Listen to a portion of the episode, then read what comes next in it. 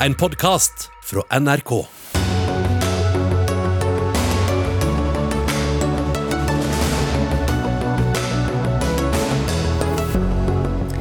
Norges første OL-gull kom med en kraftig bismak, mener sportskommentator i Dagbladet. Den som har finansiert treningen og gullet, er nemlig prinsen av Bahrain. Smitten øker igjen i Norge, men i ferien så er det en del som dropper vaksinetimen. Bør vi da gjøre som Frankrike, som eh, gjør vaksinene obligatoriske? Flere tusen journalister, aktivister og politikere er utsatt for målretta og ulovlig spionasje. Dette er den nye normalen, sier teknologiekspert. Og de fleste norske aviser eies av tre store mediehus. Fritt Ord er bekymra for mangfoldet, men Medietilsynet frykter ikke at avisene blir likere.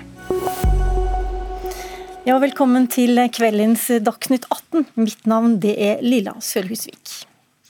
Og vi starter kveldens sending med gårsdagens store seier. Det var en fantastisk prestasjon en helt. Ingen har trent mer. Gleden var stor da Christian Blommenfelt kryssa mållinjen og vant Norges første OL-gull i triatlon på ni år i går. Men dette er altså en OL-vinner som normalt trener på lag med regimet i Bahrain. Og det er du som mener at gullet kom med en bismak, Estno Sæther, sportskommentator i Dagbladet. Hva er problemet her? Ja, Problemet er jo at han konkurrerer for et privatlag som er så tett knyttet til eh, regimet i Bahrain at eh, jeg mener at Triatlonforbundet skulle stoppet han. At de skulle gitt han valget. Enten så går du ut av det laget, eller så blir du ikke med til OL. Det, det syns jeg hadde vært det mest eh, greie i denne, i denne saken her. Men i OL så representerer han Norge, han representerer jo ikke Bahrain? Nei, han gjør ikke det. Men uh, han eh, er en gallionsfigur for uh, dette landet. Uh, betegnende nok så var det oppslag i, på den statlige kringkastingen, deres nettsider i Bahrain rett etter seieren, at deres mann hadde vunnet, hadde vunnet OL. Eller en, nord, en nordmann sto det der, faktisk. Altså, de ville jo aldri ha skrevet om han, med mindre han da var knyttet til landet deres. Og dette er jo en en del av et større problem. Det er det vi er nødt til å, å se på. Det foregår en sportsvasking. altså Mange regimer bruker sport til å vaske omdømmet sitt. Eh, Bahrain er et av de regimene. Eh, og det spørsmålet er har vi lyst til å være med på denne vaskingen. Skal våre aller beste utøvere være med og, og få sånne regimer til å skinne? Og jeg syns det er veldig, veldig problematisk. Og jeg mener at idretten burde ha tatt denne debatten mye tidligere om det. Arild Mjøs eh, Andersen, du er president i Norges Triatlonforbund og er med oss eh, på linja her. Eh, kommer dette gullet med noen som helst bismak for dere? Nei, jeg synes ikke det. Jeg tror alle som har vært involvert i norsk triatlon de siste årene, de er jublende glade nå. Og vi er veldig glade for å ha fått vist frem eh, våre fabelaktige utøvere for hele det norske, norske publikum. Eh, det det forholdet Kristian eh, har hatt til dette laget i Bahrain, blir, eh, blir, for meg en bisetning eh, i det hele. Det er en mye løsere tilknytning enn f.eks. andre lag som, som opererer innenfor fotball, sykling osv. Men det er vel en bisetning i så fall som er ganske godt betalt? Det er vel derfor han i det hele tatt er på dette laget? Altså, vi, vi, har hatt en uh, utrolig lang diskusjon uh, i, i, forbundet vårt rundt, uh, rundt dette. Vi sa først nei til Kristian da manageren eh, hans kom eh, med denne, denne avtalen. Da var det flere ting vi, vi ikke, ikke, likte. Eh, det som, som, gjorde at han til slutt fikk, fikk lov til å inngå en, en avtale, som det, det, er litt viktig å, å slå fast. Dette, dette, er noe han, han gjør kanskje én gang i året når han kjører en kommersiell konkurranse utenfor landslaget. Eh, så det er en relativt liten del, eh, del av, eh, av, det hele. Hvor mye penger får han fra prinsen av Bahrain? Det kan jeg faktisk ikke si. Det er vel noe som er regulert i en avtale mellom Kristian og, og dette laget. Kanskje Esten Sæter kan hjelpe oss der? Ja, altså det, Jeg har jo bare lest hva han selv sier, at han går glipp av godt over en million. Og Det var jo det man diskuterte da dere holdt på å diskutere det. Men så vidt jeg skjønner, så, så drev dere bare med en diskusjon om, om, det idrettslige. Altså at uh, det er problematisk å ha en landslagsutøver i triatlon som også skal drive på et privatlag. Dere jo ikke, stoppet jo ikke dette her av politiske hensyn. Andersen? Um, ja, vi hadde, en, vi hadde, en, ekstremt lang diskusjon eh, rundt dette. Vi Hva var problematisk, da, for å si det sånn?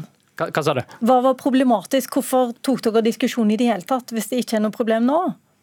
Ehm, I den første avtalen så var det snakk om eh, at dette skulle være en ganske sterk tilknytning. Det var snakk om at Bahrain-logoen skulle være på, på Christians landslagstøy, på sponsorplassene hans eh, der.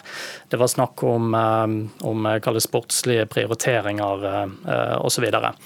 så det vi, det vi ble enige med Christian om, var at vi foretok et helt skarpt skille. Der, Christian er landslagsutøver 100 de 200-250 dagene i året han er på treningsleir um, og konkurranser med det norske landslaget. Men så får han frihet til å inngå avtaler uh, utenom. Kan jeg bare spørre deg, du må hjelpe oss litt nå, Seineb Al-Sabig. Du er statsviter og norsk bahrainer. Eh, hvor, eh, hvor stort er triatlon i Bahrain, egentlig? Eh, det er så stort som Bahrain Endurance 13, at de har da tatt Eh, og eh, ja, eh, fått hjelp fra internasjonale eh, talenter til å gjøre denne sporten større. Eh, mens da situasjonen i landet er noe annet enn det eh, Bahrain da gjennom, og kongefamilien gjennom denne Bahrain Endurance 13, der hvor Christian Blumfeldt da deltar. Men altså, Er det folk i Bahrain som driver triatlon sjøl, eller er det bare innkjøpte det er i begrenset grad, eh, men det jeg har best kunnskap om, er nettopp de politiske og menneskerettslige forholdene i Bahrain. Og hvordan er de forholdene? Ja. Forholdene i Bahrain har eh, bare blitt verre i løpet av de siste ti årene siden den arabiske våren. Eh, da kom store folkedemonstrasjoner ut i gatene og krevde da større grad av politisk altså deltakelse, demokrati og respekt av menneskerettigheter. Det de fikk, det var at all opposisjon ble slått ned, inkludert idrettsutøvere som hadde snakket, snakket ut, ytret seg og deltatt i demonstrasjoner. Over 150 idrettsutøvere ble arrestert i en kampanje ledet av prins Naser, som da nettopp har inngått denne avtalen med den norske idrettsutøveren. Eh, og eh, det er også da anklagelser om at han har personlig deltatt i tortur av fanger. Fangere. Så eh, idrettsutøvere i Bahrain blir ikke behandlet godt for de som ytrer seg.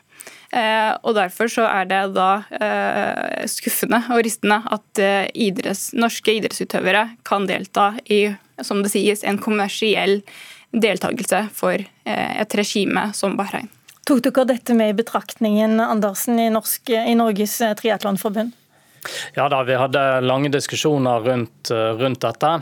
Og det vi var veldig tydelige på, var at det ikke kunne være noen sammenheng mellom Kristians eh, landslagsrolle og eh, dette, dette laget i, eh, i, Bahrain. Når vi likevel sa ja til det, så, så handlet det litt om at vi, vi er et lite, lite forbund. Utøverne våre har ingen lønn fra forbundet for å drive med idretten sin. Vi er avhengig av at utøverne skal få lov til å, å få inntekter på, på, på egen hånd. Kristian ehm, mente at dette var et opplegg som var veldig gunstig for han, både, både sportslig sett, uh, også økonomisk. Så hans totalvurdering var at dette var en god, uh, god pakke for, uh, for, for han. Vi må vel så være såpass ærlige også, Esten Osæter, at det, vi hadde kanskje ikke hatt en OL-gullvinner i går hvis ikke disse pengene hadde kommet? Nei, det, det er godt. Jo da, det, det har ikke Et lite øyeblikk, jeg prøver å setet her i studio her, Andersen. Det, altså, jeg, jeg jeg er kjempeimponert over den jobben norsk triatlon har gjort gjennom mange mange år. De har vært ordentlig flinke, eller dere har vært ordentlig flinke. Eh, men det er bare det at eh, OL-medaljer har sin pris, og når den prisen blir for høy på områder som gjelder f.eks. menneskerettigheter, så er det ikke verdt det. Det er jo det som er poenget. Altså, Vi kan ikke komme og forsvare gull som gull som vi får, og så sier vi at, at, vi gjør det fordi vi ikke har nok penger til utøverne våre, og da, da går vi på sånne snarveier som dette her. Ikke er det sant. altså Han ville nok helt sikkert vunnet uten dette her også, men vi kan ikke ha det på den måten. Altså Vi er nødt til å være mye tydeligere på at en OL-medalje har en verdi utover det rent idrettslige. Jan Peter Saltvedt, du er sportkommentator her i NRK. Hvor mange av utøverne i eh, OL i Tokyo er det som, eh, som egentlig er finansiert av uh, gulfstater eller arabiske stater med relativt tvilsom menneskerettighetshistorie? At det er flere enn Christian Blummenfelt er det ikke noe tvil om. Og så er det jo en god del som representerer landene direkte. Og Det finnes jo en annen variant her som går lenger enn det Blommenfelt eh, har vært med på, nemlig rett og slett å bytte både statsborgerskap og navn, som eh, Bahrain har prøvd med sportslig suksess eh, flere ganger som jo også var en del av eh, den tidlige sportsvaskingen, bl.a. i eh, friidrett, eh, som de åpenbart syns de både hadde så mye suksess med og kom såpass lett unna med. At de har brakt dette videre på samme måten som flere regimer har. Og så har det også nådd Norge direkte, idet vi oppdager at vi har en som er god nok til å vinne OL-gull i en eh, øvelse vi ikke har noen tradisjon for å hevde oss i. Da du kommenterte seieren i går, så snakka du om Blommenfelt som en helt. Eh, vi snakker vi egentlig om en, eh, om en helt med litt flekker på seg? Det er noen flekker der. Jeg er enig med Esten Osæter i at det er en pris her. Christian Brummenfelt har hatt et mål hvor han har vært villig til å betale den prisen. Forbundet har vært villig til å la dette gå.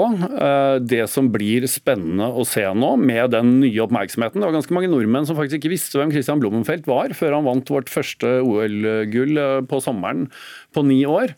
Nå kommer en annen type oppmerksomhet, nå kommer en annen type press. Eh, så kan man snakke om han har et moralsk ansvar eller ikke.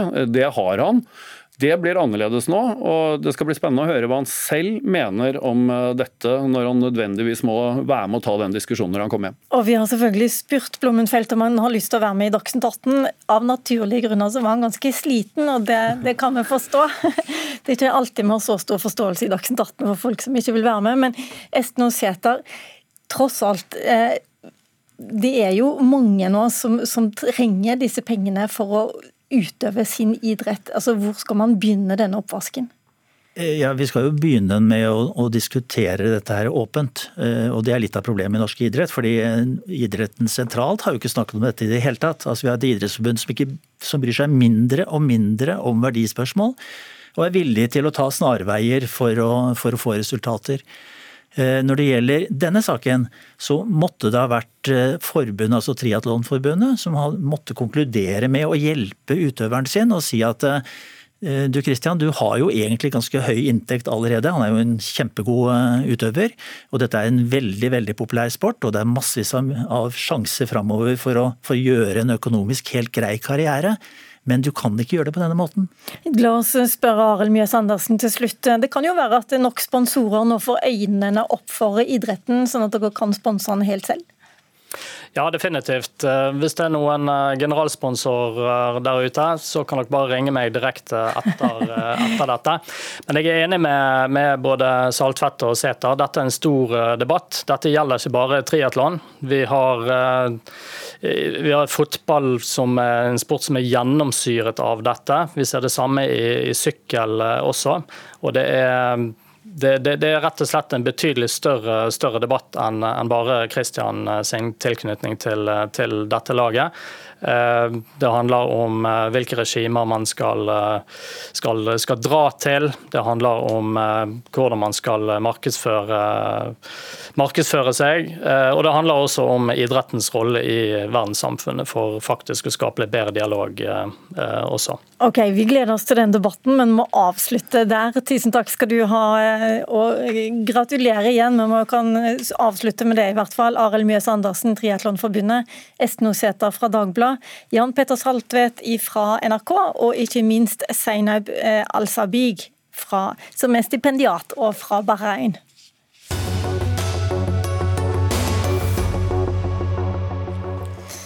Koronasmitten i Norge øker. De siste tallene viser 330 smittede på ett døgn, som er det høyeste smittetallet på én dag siden 1.6.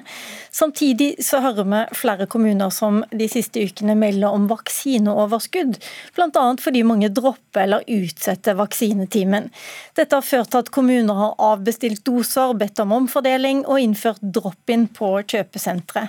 Og Geir Bukholm, du er assisterende direktør i Folkehelseinstituttet. Hvorfor, hvor mye er det dere sliter nå med å få ut vaksinene? Nei, Vi sliter ikke med å få ut vaksinene. Vi har en, vi har en god fremdrift i vaksinasjonsprogrammet. Og så er det jo slik at det er ferietid, folk er opptatt på ferie. Og, og det er et, et, tett program som vi, vi skal fullføre. Men vi har jo i dag allerede en veldig god dekning. Vi har over 90 eh, av de over 65 år som, eh, som er fullvaksinert i Norge. Og eh, vi har nesten 80 av, de, av den voksne norske befolkningen som er, har fått første dose. Slik at Vi tenker at eh, progresjonen og fremdriften i programmet er god. Men det er klart det er sommerferie, og, og man må da bruke også andre midler for å lokke personer til å ta imot eh, de, de, de tilbudet om vaksinedoser som de får. Så du er ikke så bekymra når du hører disse rapportene fra Sandefjord, fra Nordland, fra Søndre Nordstrand i Oslo? om at folk ikke dukker opp? Vi hører rapporter fra, om dette fra flere kommuner, men vi ser jo allikevel på tallene at dette går fremover med, med en god hastighet. Vi vaksinerer ca. 300, eller det setter ca. 300 000 vaksinedoser per uke. Og eh, vi, vi nærmer oss også nå ganske snart et, eh, en, eh, et tidspunkt hvor 90% av den voksne befolkning over 18 år har fått tilbud om første dose, og sannsynligvis at 90% er vaksinert med første dose. Slik at i uke 32 så tenker nok vi at vi vil gå over til å tilby dose nummer to, og få i gang den, den sluttvaksineringen som vi tenker er viktig for å, for å få den immuniteten i befolkningen som vi er avhengig av fremover. Kjenner du til noe annet land i verden som har sånn eh, vaksinedekning som Norge har nå? Det er nok eh, flere av de skandinaviske landene som også har en, eh, etter hvert en god vaksinedekning, men, men, jeg tenker jo at oppslutningen i Norge har vært veldig veldig god, og den fortsetter å være god. og Når vi spør også de yngre, altså i de eldre aldersgruppene, så har vi hatt en veldig veldig høy opp, oppslutning. altså Noen av aldersgruppene er vi oppe i 98% dekning, altså nesten 100% Når vi spør de unge, så sier jo over 90 at de, de, de som ennå ikke har fått tilbud om dosen, at de ønsker å bli vaksinert. Så vi tror nok at vi kommer til å ende opp med en vaksinedekning som er blant de aller, aller høyeste av de landene vi kjenner til. Bli med oss videre, Bukholm. Vi skal til eh, Berlin, der du er med oss, Roger Severin Bruland, ifra, som er europakorrespondent i NRK. Det er jo få andre land som eh, kan vise til tilsvarende. Og i Frankrike nå så har man altså bestemt at eh, helsearbeidere skal vaksineres. Det er rett og slett tvang. Hvordan er dette mottatt i Frankrike? Ja, Der har det jo vært store demonstrasjoner. 160 000 mennesker som demonstrerte i, på lørdag. Så det har vært kraftige reaksjoner mot at en bruker tvang. Men det er vel også sånn at eh, vaksiner eh, kreves for å komme inn på restauranter, tog og fly osv. Hva, hva er det demonstrantene er mest sinna for? Ja, altså, Jeg kan jo bare komme med en liten eh, anekdote her nå fra Berlin. For jeg kom akkurat fra det store messeområdet her i Berlin, der en driver og vaksinerer folk. og Jeg var medfølgende for en person som skulle ta vaksine. og her var det absolutt eh, ingen kø. Du ble båret inn på gullstol, du kunne ta en drop-in-vaksine. Du måtte ta Moderna, da. Du fikk ikke ta eh, Pfizer. Det var det tre dagers eh, ventetid. Så det er jo tydelig det at nå når en har nådd den her eh, magiske 50 %-grensa, så blir det tyngre og tyngre å få folk eh, til å ta vaksine. Og Det viser jo også at eh, det trenger ikke ha med at en er vaksinemotstander å gjøre, men som det blir sagt her, det er ferietid. Folk vil eh, velge sin favorittvaksine. De vil ha Pfizer, de vil ikke ha Moderna. og Da begynner det å gå litt tregere. Og så er det jo da, som vi ser, disse her vaksinemotstanderne i Frankrike som er veldig høylytte, veldig aggressive, og mener det at det her er en stor konspirasjon, og andre som mener det er et eh, brudd på menneskerettighetene, at en skal få lov til å velge. og den eh, grupperinga her har vi jo også i Tyskland. Og den sterkeste antivaksinerørsla i Tyskland er jo eh, i det gamle DDR. For vi ser jo det at i Øst-Europa og i de gamle kommunistlandene så er tiltrua til myndighetene lav. Og da blir også den vaksinemotstanden og skepsisen for informasjon fra myndighetene blir større. Hva gjør man i Tyskland da for å få flere til å vaksinere seg, for at det skal bli litt flere køer også blant dem som skal ha Moderna? Her er jo massevis av eh, kampanjer der en ber folk om å være fornuftige og om å eh, gå nå og, og gjøre din borgerplikt for å få oss ut av det her uføret. En har ennå ikke begynt å tilby gavekort. Det har jeg jo sett mange andre plasser, sånn som f.eks. Serbia. Da får du 20 euro gavekort. slik at eh, etter du har vært på kjøpesenter og vaksinert deg, så kan du gå i butikken og handle deg eh, noe fint. Eh, den type insentiver har ikke vi sett ennå. Men en ser jo det at vaksine, altså den vaksineringsprosessen begynner å sakke sakke og sakke på, både i Frankrike og i Tyskland. Og Da begynner en jo å diskutere hva skal vi gjøre når smitten begynner å stige. En ser en er på vei inn i en ny bølge i Frankrike, eh, kanskje også i Tyskland, selv om det er litt tidlig å si. Hva skal vi gjøre da? Og Stabssjefen til Angela Merkel har jo nylig sagt at eh, stiger smitten, så må vi begynne å se på tvang. Da er det kanskje ikke nok med frivillighet, men han eh, møter jo eh, massiv motstand for det synet i sin egen regjering nå. Men alt kan jo endre seg hvis en får en ny smittestigning som er alvorlig og sykehusene begynner å fylles opp. Geir Bukholm, assisterende direktør, eller smitteverndirektør fortsatt i, i Folkehelseinstituttet. Eh, har dere diskutert i det hele tatt, det er jo åpenbart ikke nødvendig i Norge, men, men hva er fordelen med å innføre vaksinetvang sånn rent generelt? Ja, vi vet jo ikke om det er noen stor fordel ved det. Altså for, I Norge har jo alltid vaksiner vært uh, frivillig, og vi tenker at det er en, en, god strategi videre fremover. Uh, og nettopp som vi har snakket om tidligere i sendingen, så har vi jo hatt en fenomenal oppslutning rundt det norske koronavaksinasjonsprogrammet. Kan du, kan du risikere, når jeg spør, så er det litt sånn, kan du risikere at færre vaksinerer seg når det blir tvang? At de, man blir mer skeptisk til å få dette tredd ned over hodet? Ja, Man kan ikke se bort fra det, at, at uh, tvangsaspektet kan føre til at befolkningen blir mer skeptisk. Så, så, Vi tror jo på at det norske prinsippet og den norske strategien er god, nettopp fordi at den er frivillig, og at vi har forsøkt å informere åpent og saklig om både fordeler og for så vidt mulige bivirkninger med vaksinene. Du snakker, om, ja, du snakker om alle gruppene som har vært superflinke i Norge til å gå og vaksinere seg. Er det noen grupper du er bekymra for, helt kort til slutt?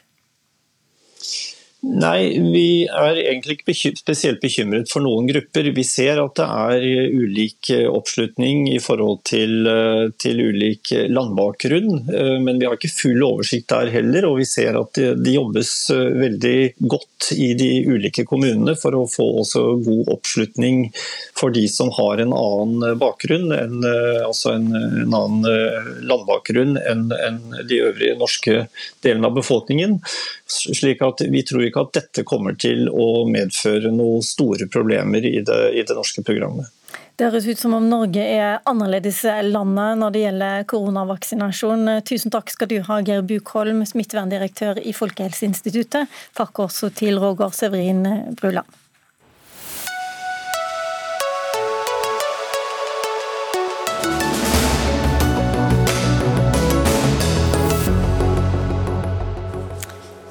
Til høsten så begynner barn som ble født i 2011 i femte klasse, eller på femte trinn, og vi har hørt og lest mye om berøringsangst knytta til 22. juli de siste ukene.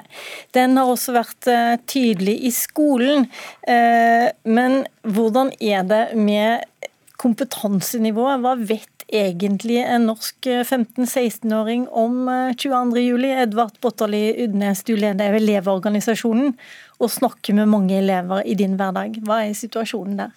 Det er veldig varierende med kunnskap, og vi opplever jo at det er store kunnskapshull. Det er variasjoner fra klasserom til klasserom, noe som gjør at mange ikke lærer om angrepene i det hele tatt.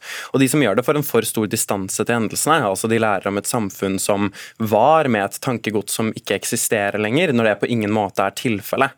Og det er jo problematisk, fordi i skolen så skal lærdommen om 22.07 være todelt. På den ene siden så skal vi eh, lære om det som skjedde, skjedde, tankegodset bak og hatet mot mangfold og Arbeiderpartiet som fortsatt lever i dag.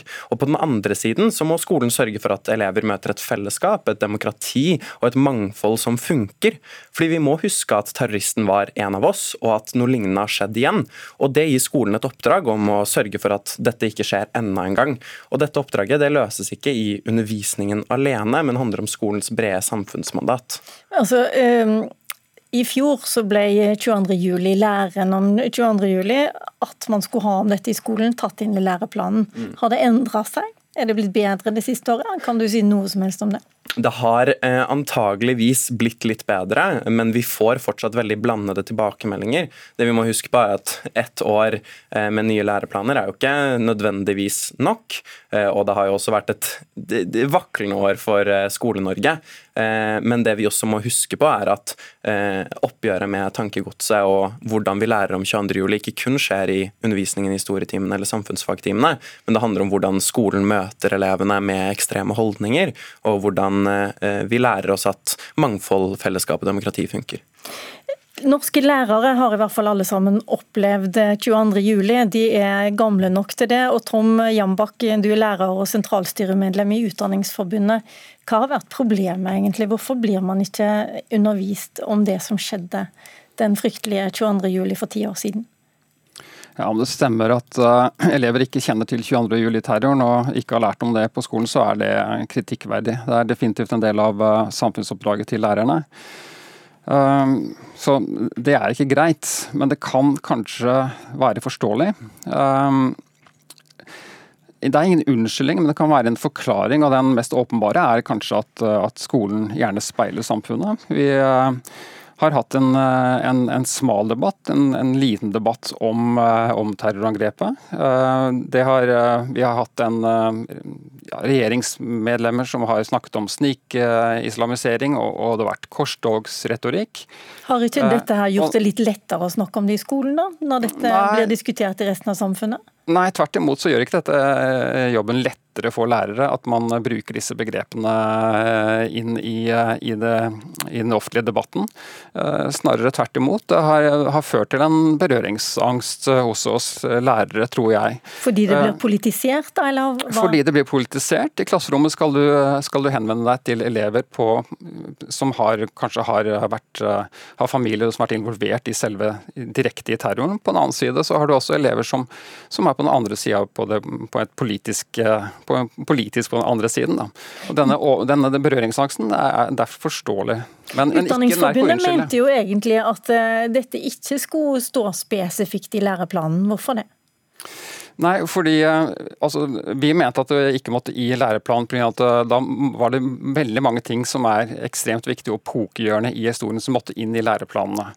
Og 22. juli var ikke viktig nok, da, eller? 22.07 er jo selvfølgelig veldig viktig. og så Hvis du skal sette opp mot, mot, og Det er veldig vanskelig å sette det opp mot andre historiske hendelser som er veldig viktige. Men jeg må jo si at på klokskapens lys så og når vi ser nå også, som Edvard forteller om her, at, at, man, at nå som det har kommet inn i læreplanen, så blir det et tema, men, men det burde ikke, burde ikke være nødvendig. Og Årsaken til det Eh, det kan ha noe med styringen av skolen å gjøre.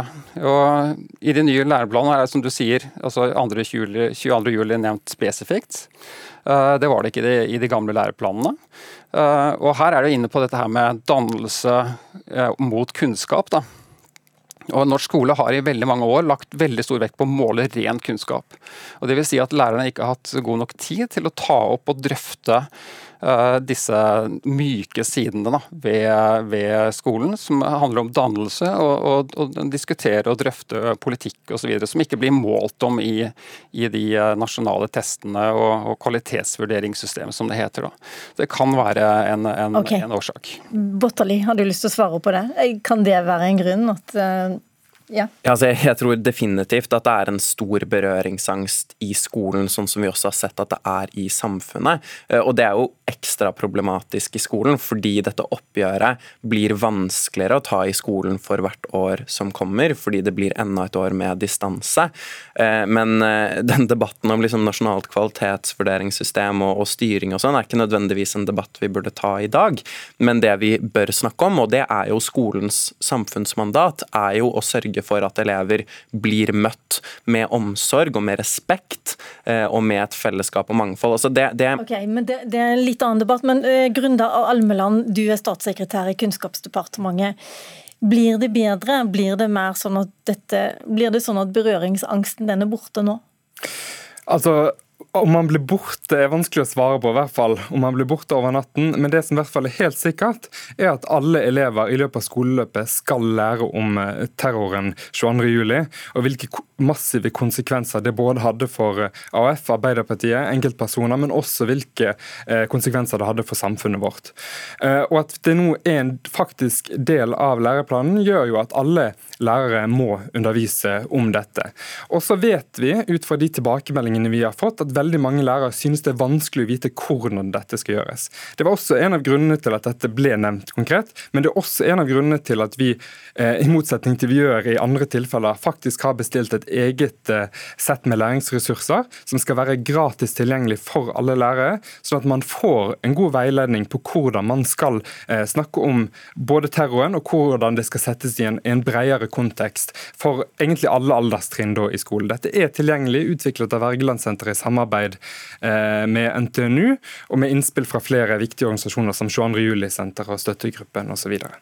Jeg skjønner, jeg skjønner rett og slett ikke hvordan dette kan være så veldig vanskelig. Jeg, eh, Tom Jambak, jeg skjønner at den politiske diskusjonen er vanskelig å ta rett inn i skolen, men det er jo ganske mange faktaopplysninger om hvor mange som ble drept, hvor de ble drept, når det skjedde, reaksjonene internasjonalt i Norge. Går det ikke an å snakke om det i det minste i skolen? Mm. Det, det, gjør det absolutt. Og, og, men det, altså, de fleste, eller alle lærere som utdanner lærere i Norge, nå jobber det dessverre altfor mange u, som, som, ikke har lærerutdanning i skolen i Norge. Men alle utdannede lærere har både har, har, mulighet til å ta opp dette her, som kan ta opp dette her sånn. Men utfordringen er selvsagt at, at lærere gjør det de blir målt på. Og skolene må gjøre det de blir målt på. Og selv om læreplanene er endret nå, så er ikke styringssystemet eller kvalitetsvurderingssystemet eh, endret, slik at eh, lærerne må jobbe opp mot det de blir målt på. For, å, for dette kvalitet okay, i skolens begrep er tett knytta til det målbare. Da. Jeg kan spørre Almaland om det med en gang. Vil lærerne bli målt på om de klarer å undervise om 22.07? Altså, eh, Måten vi kommer til å undersøke på om dette skjer, er som vi gjør eh, med det meste annet. Det kommer til å bli, bli gjort undersøkelser i skoleform man faktisk lærer, eksempelvis. Men det blir jo ikke målt på på, på den måten som jeg, eh, opplever at Jambak eh, skisserer. Men det som er viktig her, er jo at dette, eh, måten dette er plassert inn, er som en del av den overordnede delen i læreplanen. Det vil si at det skal settes i sammenheng med demokrati, læren om demokrati og medborgerskap, sånn at ikke dette bare blir Eh, noe man lærer om at har skjedd, men man faktisk forstår hvordan man skal eh, forhindre at noe slikt skjer igjen. Hvordan man skal lære om uenighet, hvordan takle uenighet.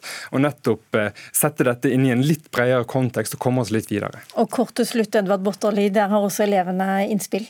Der er elevene innspill, og vi synes at det er, eh, det er bra at eh, Kunnskapsdepartementet tar dette inn i sammenheng. for Det du stilte spørsmål til Tom Jambak om, om faktaen er der, det gjør altså Når vi snakker om faktaen isolert sett og undervisningsopplegget isolert sett, så skaper det en for stor distanse. Da er det som man snakker om en naturkatastrofe eller en krig. Men dette er noe vi lever i. Dette er tankegods som fortsatt lever i samfunnet i dag. Det hatet mot Arbeiderpartiet og mot mangfold lever i dag. og Derfor eh, må dette løses på en mye større større, på et mye større plan i skolen, ikke bare i eh, klasserommet de ene timene vi snakker om 22. juli. Ok, Der fikk elevene siste, siste ord i den debatten om 22. juli i undervisningen, og det er bra. Edvard Botterli Udnes, takk for at du kom. Takk også til Tom Jombak og til Grunde Almeland.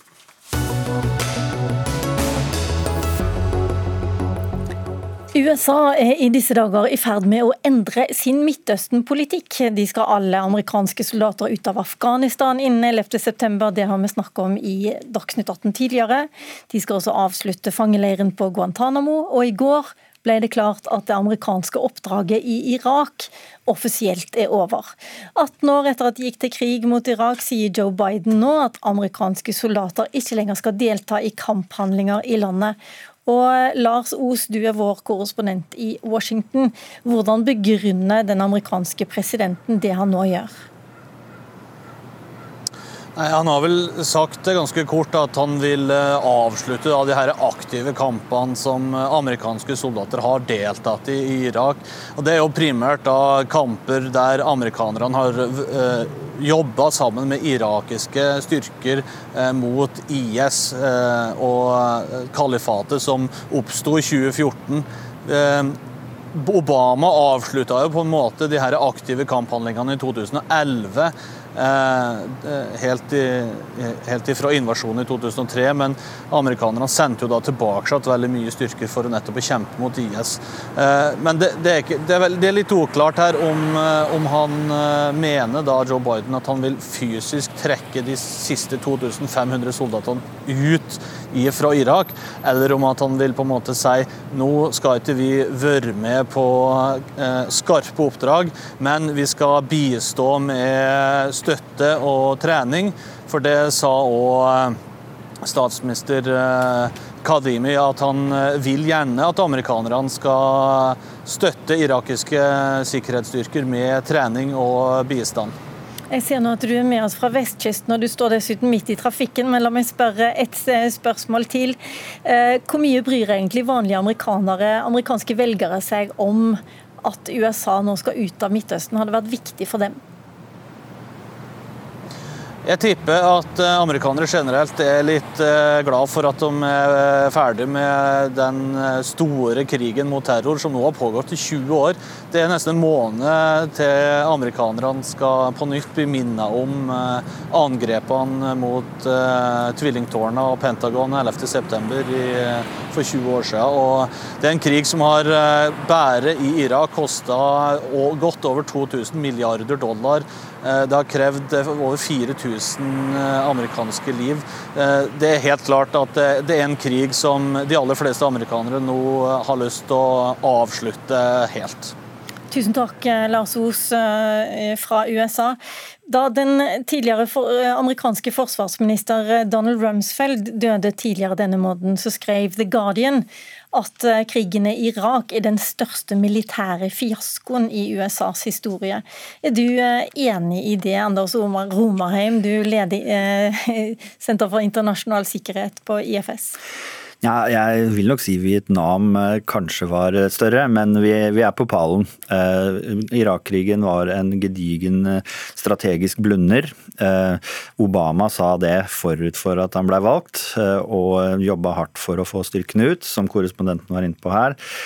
Men det var ikke helt ryddig der da de dro. Men samtidig, hvis vi sammenligner med Afghanistan, som også tilbaketrekning Der er jo tilbaketrekningen større.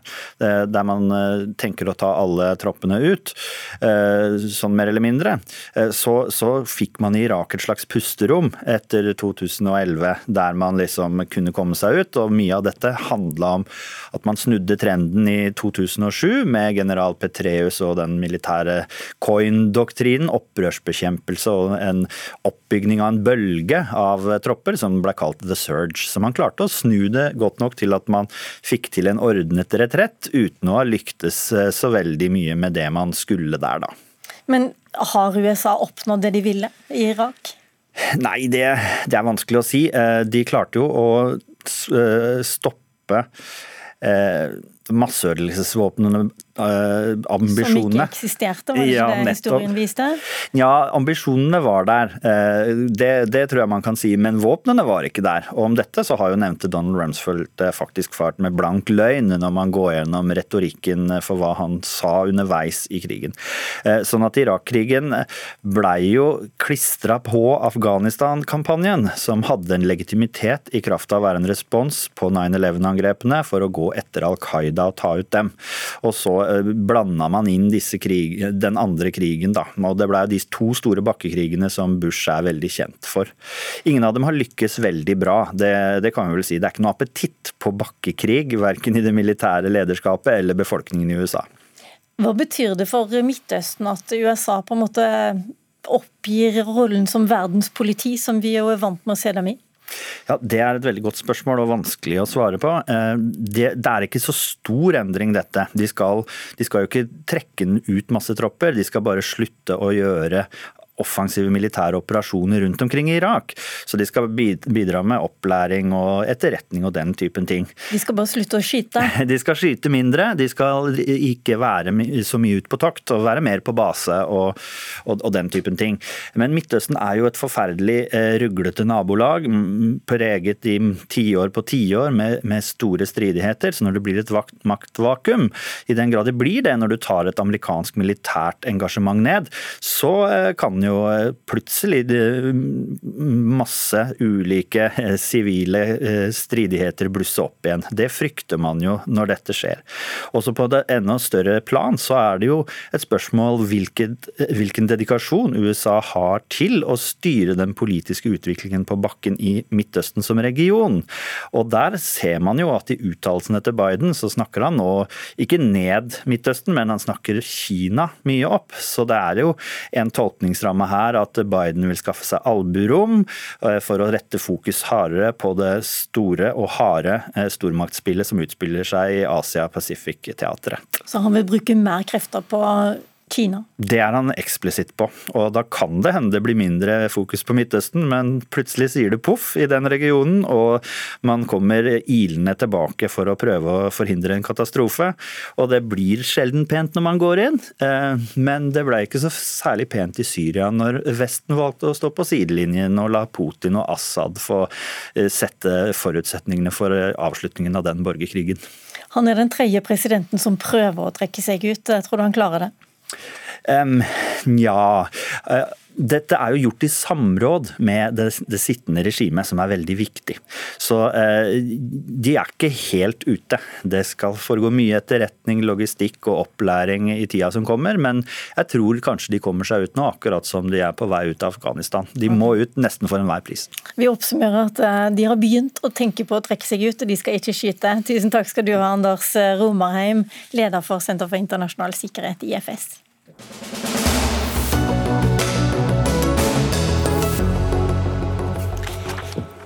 Det finnes eh, få selvstendige aviser igjen i Medie-Norge, og de blir stadig færre fordi småaviser blir oppkjøpt av de tre store konsernene, som er Skipsted, A-media og Polaris.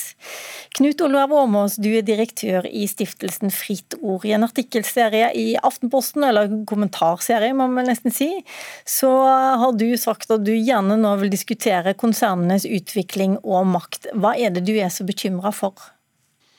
Ja, først, Det skjer jo overraskende sjelden dette, eh, til tross for at disse tre konsernene nå eier aviser som utgjør mer enn 70% av det norske avisopplaget, mot 60 for noen få år siden. Eh, og dette er altså de fleste av Norges viktigste aviser, og det er underlig at medieeierskap eh, ikke lenger vekker noe særlig offentlig debatt. og Selv Medietilsynet kaller det for konsolidering og ikke konsentrasjon. Og mitt poeng er at vi må kunne diskutere alle effekter av eh, mediekonsentrasjon nå. Jeg har skrevet om de eh, positive. De er velkjent. Vellykka digitalisering og rasjonalisering av logistikk og økonomi. Nå må vi også kunne diskutere hva som går tapt i strømlinjeformingen. Og nå er vi her og tar den debatten. Hva er du bekymra for? Hva går tapt? Ehm, det er ting som ikke nødvendigvis er et spørsmål om direkte utøvd eiermakt og styring av innhold, men om hva som i det hele tatt blir mulig å realisere av, av ressurskrevende samfunnsviktig journalistikk innenfor de rammene som konsernene setter for avisene sine. Det er klart at det må ligge svært stor mediemakt i konsernet som står for nær tre fjerdedeler av det norske avisopplaget. Eh, og, og, Det finnes strategier i, i, i minst ett konsern, kanskje i flere, om altså krav om at saker skal bli lest av så og så mange. At mer og mer likt stoff blir delt mellom felleseide aviser. Og, og selvsagt så legger de faktiske ressursene også føringer på hva slags eh, journalistikk en kan lage. Så kanskje fører ikke medieeierkonsentrasjon til eh, økning i mediemangfoldet, iallfall avisene kan bli for like når det blir stilt samme type krav til de om detaljert uh, trafikkmåling av alle typer saker og statistikk for hva som utløser abonnementer. Okay. og da da kommer, den grundige, mm. da kommer den grundige, selvstendige journalistikken i bakgrunnen, er mitt poeng. Jeg skjønner. Mari Wilsand, du er direktør i Medietilsynet. Eh, deler du bekymringen til Åmås? Først vil jeg jo si at uh, dette er en uh, debatt som uh, vi i Medietilsynet absolutt ønsker velkommen. og Jeg er veldig glad for at flere enn oss er opptatt av mediemangfold. og det er klart at enhver sterk markedsmakt kan være problematisk. Når det gjelder mediemangfold, så snakker vi ofte om tre dimensjoner. Det er avsendermangfold, som vi da snakker om her, der eierskap er et perspektiv. og så er det jo innholdsmangfold, og kanskje det aller viktigste, bruksmangfold. Altså hvilken grad vi tar i bruk det mangfoldet som er. Eh, og Når det gjelder avsendermangfold, så er det jo slik at eh, Kanskje vi heller bare får ja, bare for å gjøre det litt enklere å snakke om eh, eier, eiermangfold? Ja, og det er jo en del av da avsendermangfold. ikke sant? At man har en, en et, eier, et eiermangfold. Eh, og det er klart at eh, Har du et eh, mangfold på eiersiden, så får du også ofte et mangfold på innholdssiden. Og så er det ikke noe automatikk likevel da i at et redusert avsendermangfold fører til et svekket innholdsmangfold. Så det, det du sier at det er ikke automatikk i at selv om det bare er få eiere her, så blir ikke avisene likere? Det er ikke noen automatikk i det, men det er klart at det er viktig og avgjørende da at uh, aviser som er eid av uh, samme eier, får beholde sin redaksjonelle uavhengighet, og at det ikke da blir et omfang av stoffdeling, utveksling, felles innholdsproduksjon eller føringer, som Åmås også var inne på her, uh, av en slik grad og omfang at det da fører til at avisene blir likere. For da får du også et svekket innholdsmangfold. Men er ikke det poenget med å ha en og samme eier, at hvis Tønsberg Blad gjør det helt strålende, så kan vinne vinneroppskriften der eh, brukes også i andre, i andre aviser, tilsvarende aviser? Det er klart at det er jo et eh, element eh, at man kan dra veksler på hverandre, og at en god idé kan utnyttes av flere. Det trenger jo ikke bety at innholdet blir det samme, fordi at man kan jo gjøre det på sitt vis. Men det er klart at hvis du kommer i en situasjon der sånne grep fører til at avisene blir likere innholdsmessig, så vil jo en slik eierkonsentrasjon opplagt være et problem. Du snakker om problemet med undersøkende journalistikk, Knut Olav Åmås, men det har da virkelig vært et problem for, altså for lokalavisene å få til lenge før de ble eid av en av disse tre gigantene her? Ja da, det, det har det. Og, og, slik sett så kan, kan konserneierskap hjelpe til å tilføre kompetanse. Spørsmålet er om det skjer da Lokalavisene er utvilsomt grunnfjell i norsk eh, journalistikk og i det norske medielandskapet, eh, og trenger drahjelp på den krevende journalistikken. Eh, men spørsmålet er altså om, om det skjer i dag. Um, um, men altså, jeg lurer på en ting, en annen ting, Unnskyld, nå avbryter jeg deg litt. Men, men, du er jo tidligere statssekretær i Høyre. og jeg forventer vel ikke at du med din bakgrunn vil foreslå f.eks. For eh, mer strukturendringer. Skal staten gå inn og regulere, eller hva, hva tenker du må skje? Mm, altså, jeg er ikke medlem av noe politisk parti. og, og, og medie, Jeg var leder av et eh, mediemangfoldsutvalg for noen år siden som eh, kom med konklusjoner om, og anbefalinger om en ganske offensiv mediepolitikk, som den nåværende regjeringen ikke har vært så veldig interessert i. Jeg mener jo at en sterk, solid mediepolitikk eh, er noe av det viktigste vi har i dette landet. Hva må man gjøre da? Nei, altså jeg ser at De rød-grønne hvis de kommer til makta, vil diskutere nye eierskapsbegrensninger. og Det har jeg ikke noen sterke meninger om, men det, det, kan være verdt å diskutere, og det vil sikkert bli diskutert. La meg høre Velsand, da. Syns du det er en god idé å gå og diskutere eierskapsbegrensninger? Det blir jo til sjuende og sist et eh, politisk spørsmål, selvfølgelig, men jeg tror nok ikke at vi fra Medietilsynets eh, side vil anbefale det. Fordi? Ehm, det var jo, Hvis vi går tilbake igjen til da medieeierskapsloven ble avviklet i 2016, så Eh, var jo eh, det at eh, det med å ha forhåndsdefinerte markeder, eierskapsgrenser, at det ikke var egnede virkemidler for mediebransjen i de store og omfattende endringene som den bransjen sto i. De står fortsatt i det endringsbildet, så jeg tror vel ikke at det er tiltak som er så veldig fremtidsrettet, egentlig. Åmås, du argumenterte ikke for det du heller egentlig nå. Hva, hva skal man gjøre da? Er det alternativer? Ja, jeg er også i tvil, eh, fordi eh, den sterkeste konkurranse eh, norske medier står i i dag, er jo med de globale teknologiaktørene. Facebook og andre plattformer. Så, og NRK er også den sterke motvekten og supplementet til norske aviser. Så jeg er i tvil om eierskapsbegrensninger er veien å gå. Men det som ville være fint, var om vi nå etter denne sterke sterkt økte eierkonsentrasjonen de siste ti år, kunne få mer fakta på bordet. Eh, mer presseforskning om eh, innholdsutviklingen i eh, mediene, i lokalaviser og andre medier. Konsekvensene av stoffdeling og også om norske medier begynte å lage mer eh, undersøkende journalistikk om uh, sine egne konkurrenter i bransjen. Og da, da bør avisledere være like åpne som de krever av andre i samfunnet. Altså, okay. journalistikk, mm. journalistikk, om uh, hvordan journalistikken utvikler seg, det er godt stoff for veldig mange lesere. Vi får uh, ta en ny debatt når vi vet mer om uh, innholdet i avisene faktisk er blitt likere. Det kan være en undersøkelse kanskje for Medietilsynet? Jeg kan bare veldig raskt få si at den er i gang. Uh, vi har jo et mediemangfoldsregnskap i, i, tre deler, og akkurat nå så holder vi på med å se på innholdsmangfold, så der kommer det en rapport på senhøsten. Da får vi ønske velkommen tilbake til Dagsnytt 18 da. Tusen takk for at du var med nå, Mari Welsand, direktør i Medietilsynet, og takk til deg, Knut Olav Åmås i Fritt Ord.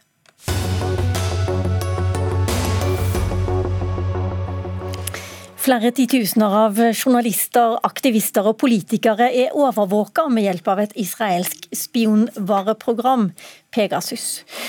Programvaren skaffer seg tilgang til høyttaler, mikrofon og all informasjon som finnes på maskinen den blir installert på.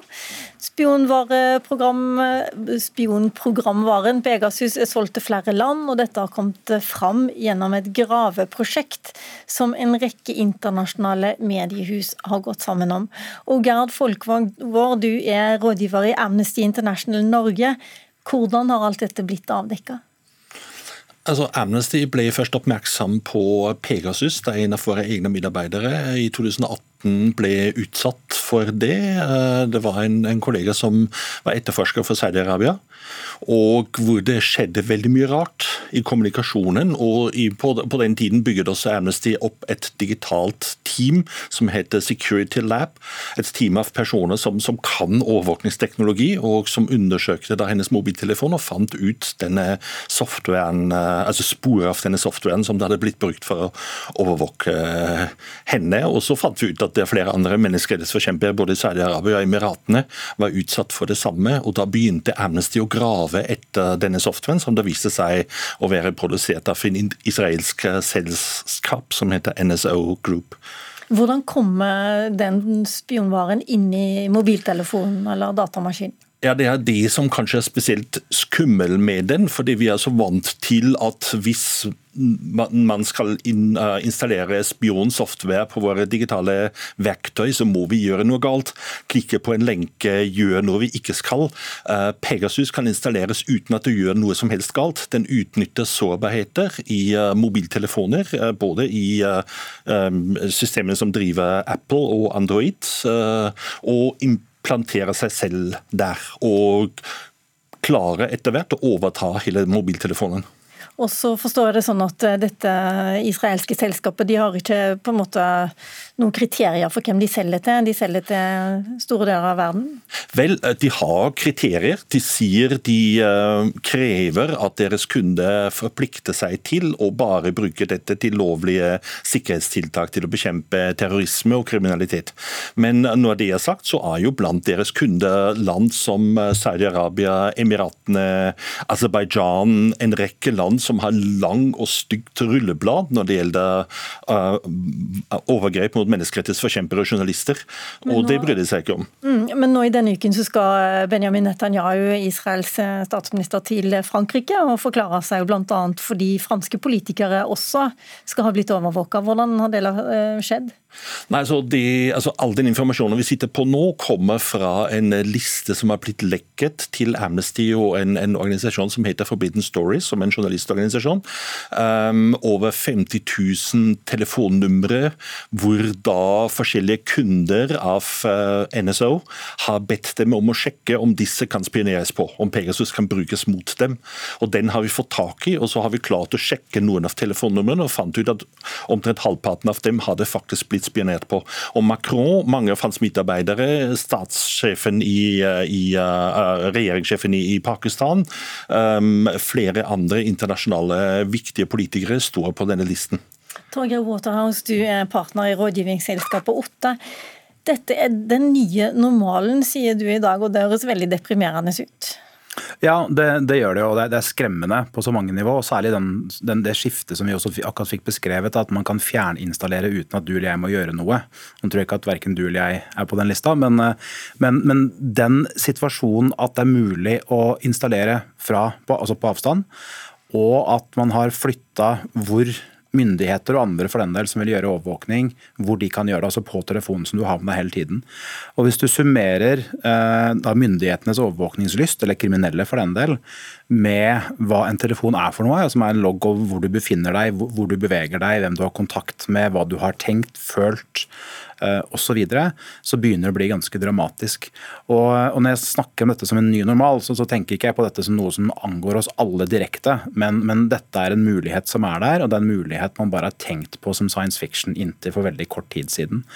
Og så er En av utfordringene at det er ekstremt komplisert å beskytte seg mot. og, og som Det ble sagt, det utnytter eh, feil i systemene. Og, og, Det er jo feil som er kjent for så vidt av de som utnytter dem, men som ikke er gjerne ikke er offentliggjort. Så de som lager systemene systemene, enten det er Apple eller Google, eller hvem det måtte være, har ennå ikke kunnet lage fikser for disse feilene. Ja, nettopp. Jeg skulle til å spørre om det. Kan ikke bare Apple og Google lage en sperre, som de gjør på, i forhold til konkurrenter på andre ting? Mm. Jo, og det, det, gjør de jo gjerne. Altså, når disse feilene blir kjent og rapportert til dem, så, så utbedrer de gjerne feilene.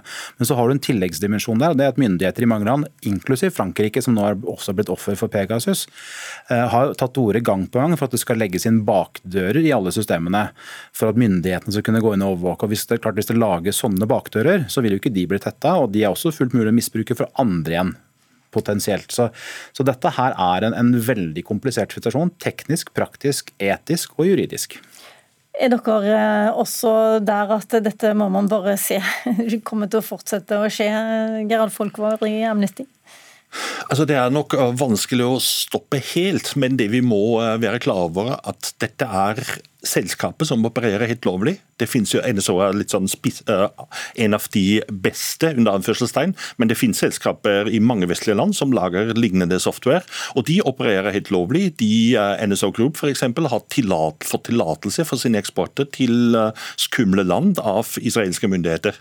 Men altså, nå har vi nettopp hatt en svær sak i Norge om at antageligvis da kinesiske myndigheter har overvåka e-poster på Stortinget. Ja. Hvordan kan man hisse seg så veldig opp over det, hvis dette er såpass vanlig som dette gravearbeidet har avdekka? Altså, man må begynne med å lage strengere regler. Eh, vi i Amnesty mener alle verdens land burde vedta et midlertidig forbud mot eksport av spionsoftware til man har klart å få på plass ordentlige regler for å kontrollere dette ordentlig. Eh, det er jo ikke bare land som Israel, det er jo eh, selskap i Tyskland, i Sverige, i Italia som eksporterer lignende ting.